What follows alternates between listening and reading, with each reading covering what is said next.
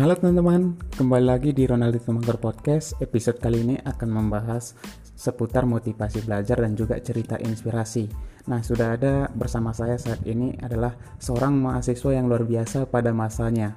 Ya, dia pernah menjadi mahasiswa berprestasi utama USU pada tahun 2018. Bukan itu aja, dia pernah hingga menang kompetisi banyak kompetisi di internasional. Misalnya pernah di kompetisi di Tokyo Jepang mendapat runner up medali emas di India bahkan juga mendapat medali emas juga di Silicon Valley US nah ini luar biasa banget. Selain itu dia juga pernah uh, mengikuti pertukaran pelajar atau student exchange di Turki tepatnya di uh, Middle East Technical University Nah, langsung saja ini dia Andika Pratama SSI.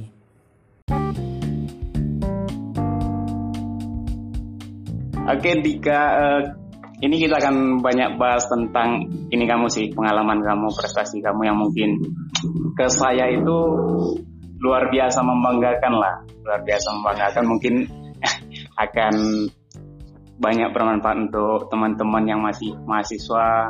Jadi kamu bisa ngejelasin uh, gimana cara belajar kamu, terus juga pencapaian-pencapaian mungkin jadi inspirasi bagi teman-teman mahasiswa nih. Oke, kita mulai aja ya. Jadi uh, perkenalan singkat aja tentang latar belakang kamu nih. Dika. Uh, Oke, okay.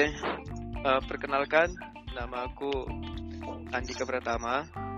Oke. Okay. Uh, baru lulus bulan 2 kemarin ya bulan 2 uh, ya. Bulan 2 kemarin ya. Dari Fakultas MIPA jurusan fisika.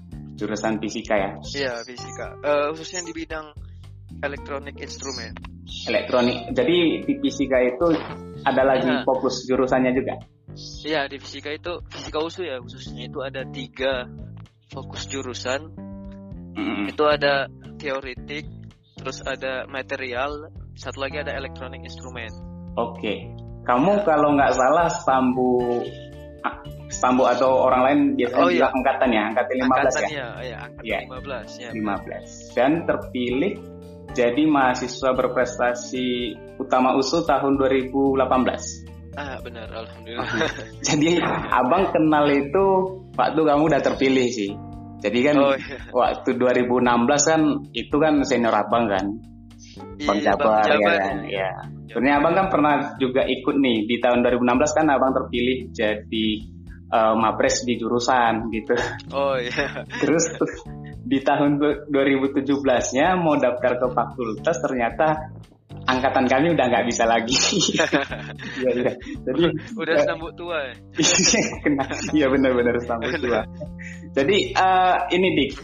Uh, iya, ketika kamu terpilih tuh saya baca tuh profil kamu lumayan banyak sih prestasinya kompetisi inilah LKTI bahkan kamu robotik juga aktif ya?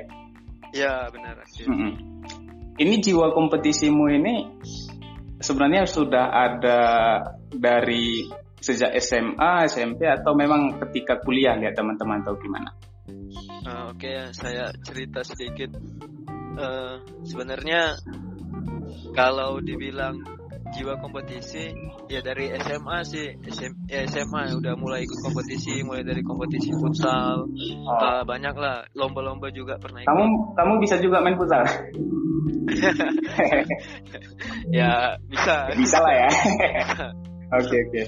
ya uh, dan sebenarnya tuh kalau dari SMA tuh pengen kemarin ikut kayak robotik club Hmm. Nah di, di SMA aku itu nggak ada. Hmm. Nah jadi ketika masuk kuliah dan ternyata USU itu ada robotik clubnya. Hmm. Nah dari situlah awal mula aku berkiprah lah di USU. Yeah, iya. ikut yeah. ikut terus ikuti pantengin Instagramnya dan segala macamnya untuk kapan rekrutmennya. Nah ketika rekrutmen langsung join kan. Ah. Nah tuh terus ya dari situlah sebenarnya setelah itu itu pertama kali ikut kompetisi itu di Fasilkom juga nih. Di Fasilkom ya? Uh, event apa? Arteno enggak? Artekno ya. Arteno ya ya ya itu 2016 tahunan sih. Kalau nggak salah. benar 2016 benar. ikut kompetisi uh, line follower oh line follower ya tahu tahu tahu iya line follower di Artekno itu bersama teman-teman robotik uh -huh. ya alhamdulillah belum dapat belum dapat juara 2016 belum ya belum dapat juara ya. ya wajar lah masih satu tahun jadi mahasiswa ya, ya. aku satu tahun tuh masih kupu-kupu aku Iya, ya benar. Satu tahun benar kupu-kupu. Jadi ternyata tertariknya di lebih ke robotik ya? Iya, lebih kayak ke robotik itu instrumen. Hmm. Soalnya kan kayak lebih ke fokus ke jurusan juga sih ke background akunya sendiri. Oh berarti fisika itu memang yang instrumen tadi memang ada hubungannya memang ke robotik ya? Iya kayak ke elektronik gitu dia. Oh oke okay, oke. Okay. Ya. Tapi kenapa nggak pilih teknik elektro dulu kan tertariknya ke nah, robotik nih? Nah, nah itu awalnya pengennya di teknik sih, tapi nggak rezeki. Oh nggak rezeki. Oh iya iya, I know lah. I know. Oke oke oke. Oke, uh, abang mau nanya nih sebenarnya, uh, kalau prestasi memang regional atau apa, mungkin nggak ragukan lah ya, udah banyak lakukan ya. Walaupun di City sebenarnya nggak buat semua, kayaknya kalau nggak kalau buat semua satu buku ya. Oke, okay. jadi abang taunya kamu setelah terpilih jadi mawapres utama USU, nah itu. Yeah itu terpilih jadi abang uh, ikutin background kamu dan ternyata pencapaiannya luar biasa. Contohnya bisa juga nanti kita bahas bisa sampai kompetisi di USA yeah. ya sampai bisa uh, bisa. uh, dapat ini juga ya. Menang ya di sana ya? Ya dapat medali emas. Oke okay, sama yeah. exchange di Turki ya? Oke. Okay. ya benar. Ini abang mau nanya nih uh, ketika terpilih jadi mawapres utama USU. Nah, ya. apa yang uh, menurut Dika hal yang paling bermanfaat terpilih jadi mawapres USU nih? Oke, uh, sebenarnya cerita dari awal dulu nih. Iya boleh boleh biar nggak lompat-lompat ya. Iya benar. Nah. Uh, jadi sebenarnya mawapres mahasiswa berprestasi ya ini kemarin itu tahunnya dari senior juga sih. Senior yeah. angkatan 2014 itu ikut mm -mm. kompetisi mapres tingkat fakultas. Mm -mm. nah pada saat itu di jurusan aku itu kalah. Dia itu kakak kakak itu tuh juara dua di fakultas. Nah jadi nggak ikut nggak masuk ke universitas kan kalau juara dua. Iya benar benar. satunya aja. Iya benar. Nah jadi dari situlah mulai kayak termotivasi gitu untuk bisa ikut itu. Mm. nah setahun kemudian pada saat itu tuh pengen banget kan ikut kan? Hmm. nah jadi ya ningkatin lah. Tingkatin apa ya bahasa Inggris. Karena salah satu uh, persyaratannya kan presentasi paper itu harus bahasa Inggris. Harus bahasa Inggris ya ya ya, ya jadi abang dulu kerasa banget tuh bahasa Inggris. Harus perjuangan banget. Ya okay, kemarin sempat sempat juga ke kampung Inggris untuk meningkatkan bahasa Inggris oh sampai ke kampung Inggris ya? Iya. Sendiri ya? Iya itu masih waktu kuliah itu waktu kuliah itu pas libur semester? Libur semester satu bulan di sana. Oh ya, iya. pokoknya pas masuk di awal-awal kuliah hmm. itu kayak skip kuliah lah berapa satu satu minggu atau dua minggu gitu. Nah, supaya bisa kampung Inggris ya? Iya supaya bisa dan supaya bisa meningkatkan soft skill bahasa Inggris ya oke okay, oke. Okay. nah jadi singkat cerita ikut dan alhamdulillah juara di jurusan fakultas dan juga dapat juara di uh, di usunya di kampusnya hmm, sendiri. Jadi mau pres utama lah ya. jadi mau ya jadi mau pres utama. Hmm. Oke, okay, nah, ini jadi, pasti membanggakan banget nih karena menjadi pres utama apalagi di tingkat uh, universitas itu kan impian hampir semua mahasiswa sih sebenarnya. Kalau misalnya ada yang bilang aduh biasa aja itu kayaknya sesuatu yeah. yang ya orang bakal merasa itu yang sebenarnya dia nggak yakin sih. Kalau saya sih sebenarnya dulu pengen banget juga sih termotivasi, yeah. cuman ya seperti cerita tadi ini. Jadi bisa jadi inspirasi lah.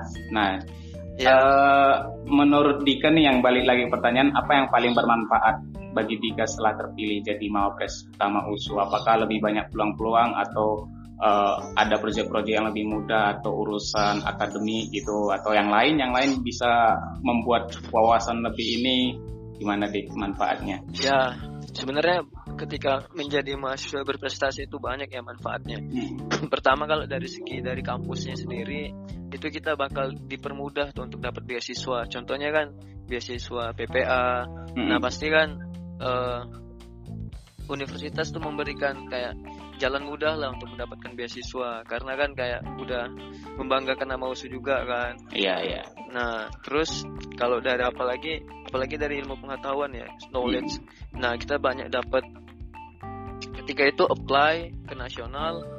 Nah itu juga banyak kan sharing-sharing dari teman-teman nasional yang lain dari universitas-universitas yang lain gimana persyaratannya gimana iya, iya. sharing sharing apa sharing pengetahuan lah tentang mahasiswa berprestasi ini. Jadi banyak gitu manfaat-manfaat yang didapat ketika kita ikut uh, kita kita menjadi mahasiswa berprestasi.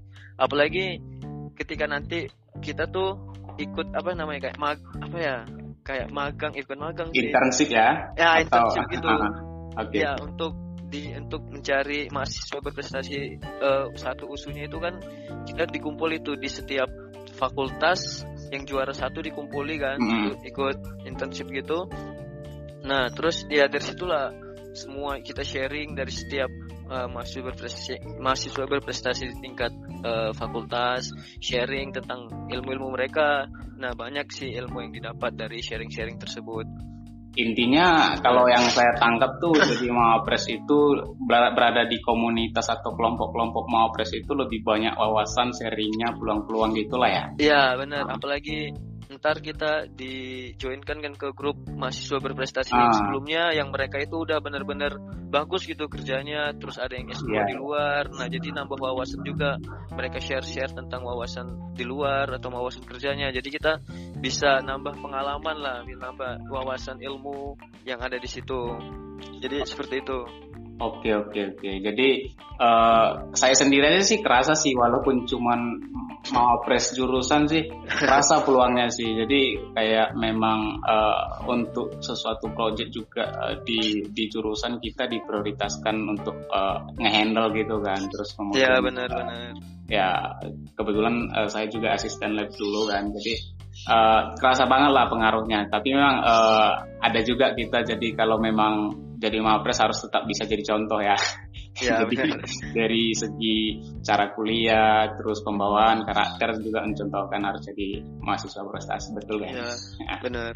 Oke okay, oke. Okay. Uh, jadi uh, nah karena memang uh, kalau saya ke senior saya Bang Jabar juga kan sesuatu yang membanggakan banget sebenarnya ke fakultas kami kan karena iya. fakultas ya, kami kan baru kan tapi bisa seorang penjabar bisa langsung di tahun 2016 bisa terpilih jadi mas nasional sampai, ya. sampai nasional kan ya, jadi, nasional.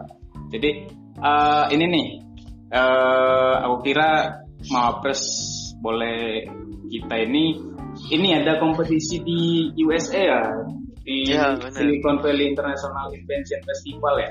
Ya, benar. 18 juga. Iya, benar-benar. Ini duluan Mawapresnya kan? baru Iya duluan Mapres. Ah, oke. Okay. Ini di sana ngapain aja dik? Dan di sini uh, bisa lihat dapat gold medal ya? Iya benar. uh, oke. Okay. Uh, kalau cerita tentang kompetisi ya, sebenarnya selain di robotik, saya juga banyak ikut nih UKM unit kegiatan mahasiswa di USU. Hmm, hmm, yeah. Salah satunya di Snider Team itu salah satu komunitas penelitian yang ada di USU. Iya. Yeah, yeah. Nah jadi tahun 2016 saya join robotik eh saya join Schneider Team itu foundernya senior saya sendiri mm-hmm. dari fisika nah kayaknya per... abang kenal deh. asisten juga dulu kayaknya iya asisten Lida ya nah, karena kami kan ngerasain Lida satu tahun juga dulu iya iya iya nah uh, jadi pertama kali sebenarnya pertama kali ikut kompetisi di kompetisi paper ya kayak paper gitu itu tahun 2016 mm -hmm. di IPB Bogor. Oh, 2016. Ya, 2016 di Bogor langsung. Di Bogor, ya. Okay, okay. Ya dan itu nggak mudah sih untuk sampai ke Bogor. Ah, iya, I know lah untuk, untuk bisa ke tingkat nasional itu gimana rasanya mungkin anak-anak yang kompetisi ngetahui rasanya Iya. sepuluh ya. lomba gagal satu atau dua yang lolos kan ya, gitu. benar benar.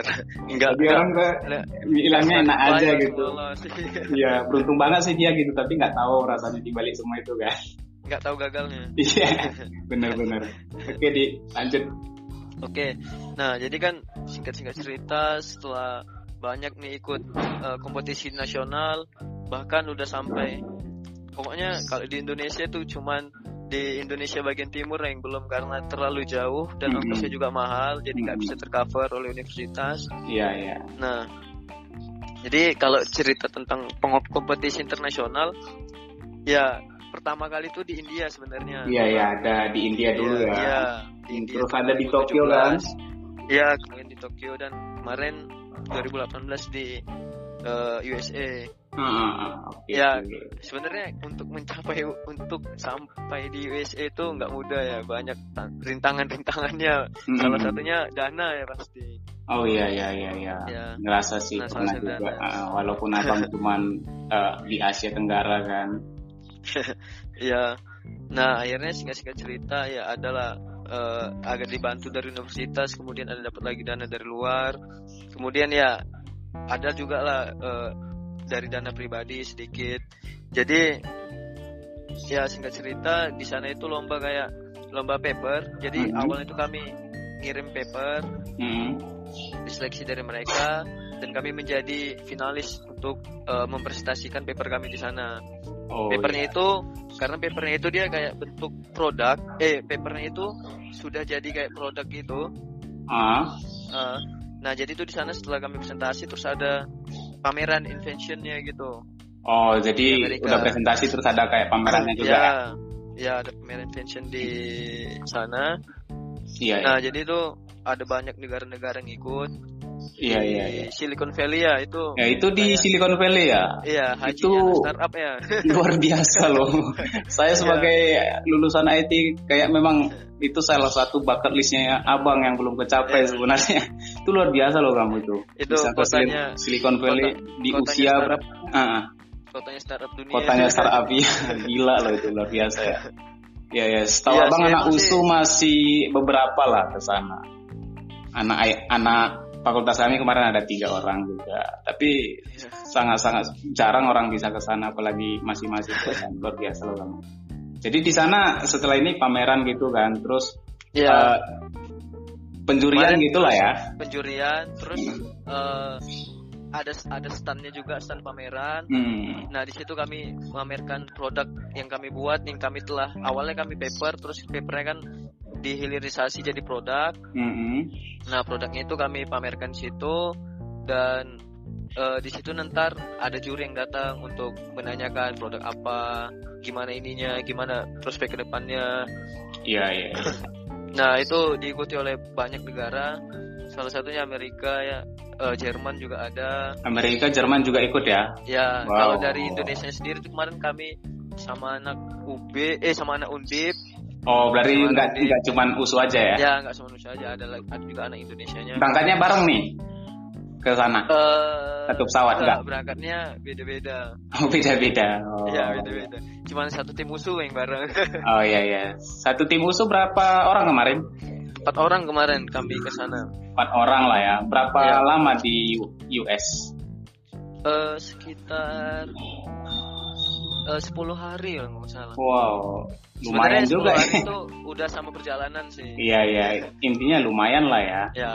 Oke oke oke itu setelah mungkin uh, dan akhirnya ya, dapat ya, medali emas ya ya setelah pengumuman gak nyangka juga sih bisa iya. mendapatkan iya awalnya, luar biasa soalnya awalnya kami lihat kan medali perunggu gak ah. ada aduh iya iya iya perunggu gak ada udah udah ini nih udah ah. deg-degan ah. ya kan udah kayak nggak ngarap sih ya kan udah nggak ngarap lagi kan oke okay, oke okay. terus perak Ya, ah. nggak ada juga ya udahlah udah, udah mau pulang tuh udah, udah ikhlas gitu lah ya ikhlas dan ternyata ada nama kami di medali emas gitu ya. Iya. Dan itu cuma satu kan, nggak ada kategori-kategori. Ya itu ada kategorinya sebenarnya di pameran itu ada kan kami masuk kategori otomotif tuh karena kami bawa kampas rem. Oh yang oh iya jadi, iya. Iya. Oke oke. Jadi pamerannya ada kategori-kategori jadi ada. Iya iya iya. iya. Oke itu luar biasa lah kayaknya ini bakalan bisa menjadi sesuatu yang menginspirasi bagi teman-teman mahasiswa lah. Nah, pertanyaan tentang kompetisi tadi ini, kira-kira biasanya um, kamu ada beberapa kali keluar negeri nih sebenarnya ada di India, ada di Tokyo, ada di uh, eh, USA. Ya. Pertanyaan abang satu nih, apa biasanya hal yang paling nggak terlupakan dengan kompetisi di luar negeri? Menurut kamu nih pengalaman yang sebenarnya nggak terlupakan, apakah pahitnya, manisnya?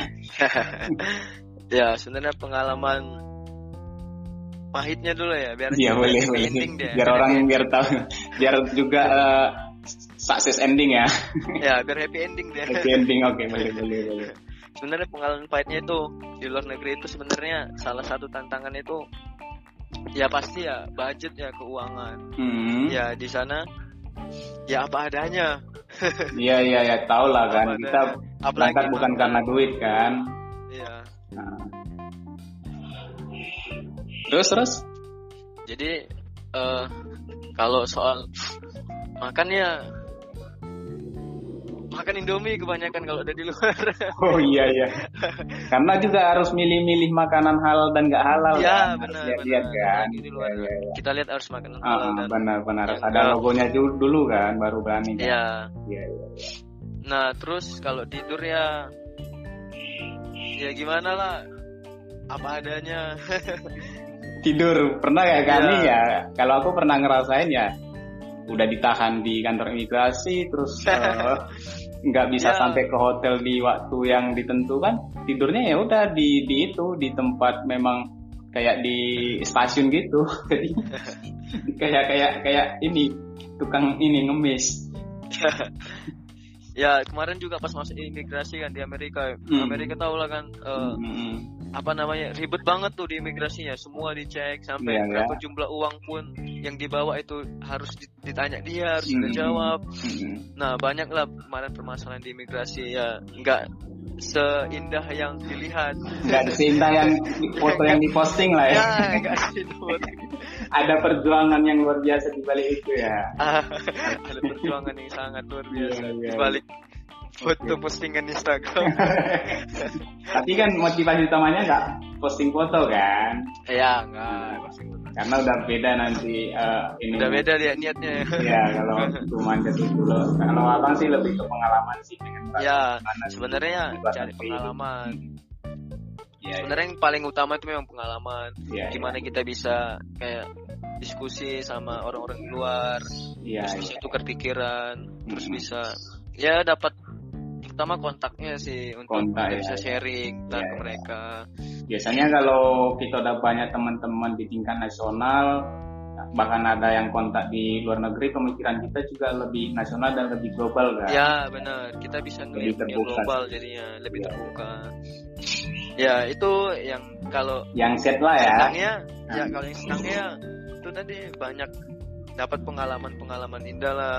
Yeah. kayak bisa jumpa banyak orang dari luar kemudian uh, bisa sharing ilmu sama mereka Terus pastinya ngetahuin ya. situasi dan kondisi negara-negara orang ya, lain yang bener. sebelumnya cuma terpikir dan hanya melihat-lihat kan. Ya, kita ini bisa langsung bisa ngerasain gitu kan. Oh ternyata budayanya ini, ya. Iya benar.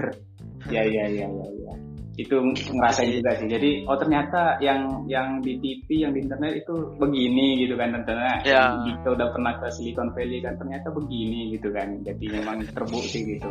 Yang terbukti. Nah, ya, ya, ya. Banyak banget lah menurut saya banyak banget hal yang nggak terlupakan hal ya, mindset yang memang hal apalagi yang... kalau momen tak terlupakan itu tidur bareng teman-teman sama satu tim wah bahkan sebelum sebelum presentasi malamnya persiapkan hmm. mempersiapkan uh, powerpointnya bahkan hmm. sampai nggak tidur iya iya ya. game segala macam iya ngerasa sih sebelum sebelum sebelum presentasi itu semua yeah. kayaknya jadi beban ya nggak ada rasa tenang yeah. selama hari harinya ya kan tapi, tapi kalau udah presentasi baru rasanya plong gitu kan udah plong iya iya iya iya itu ngerasain oke okay, oke okay.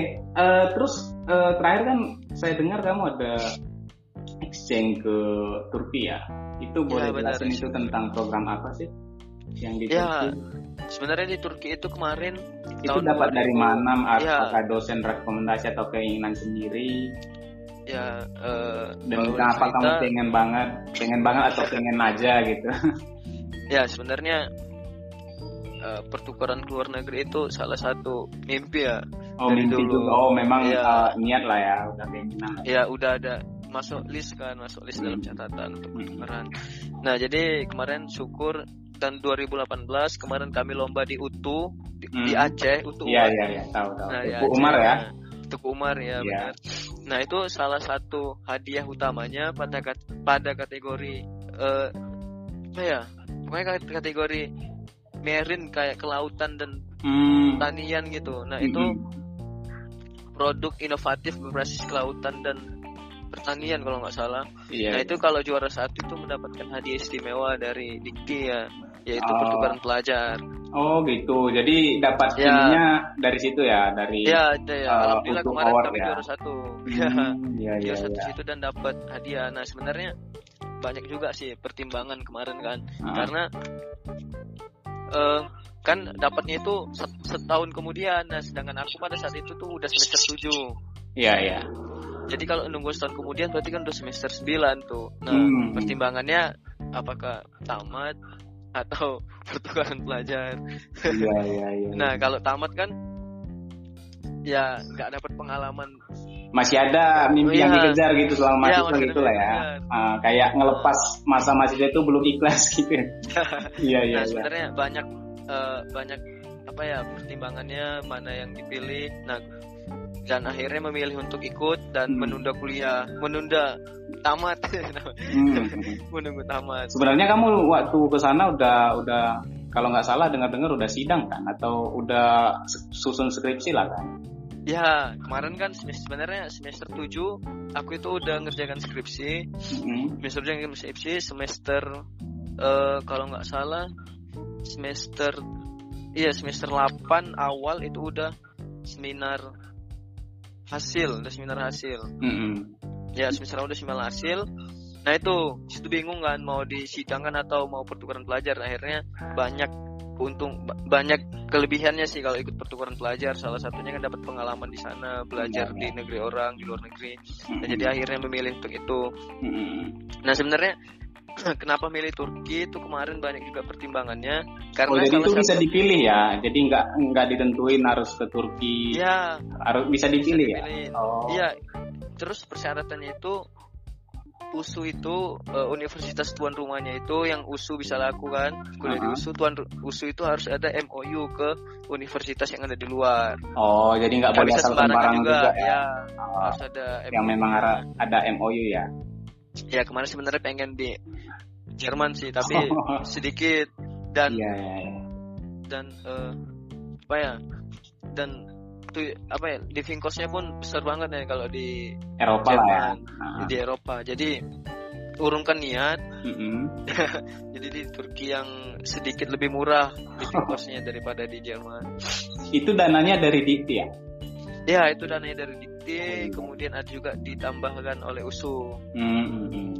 jadi ya kayak free gitu memang pertukaran pelajarnya di sana.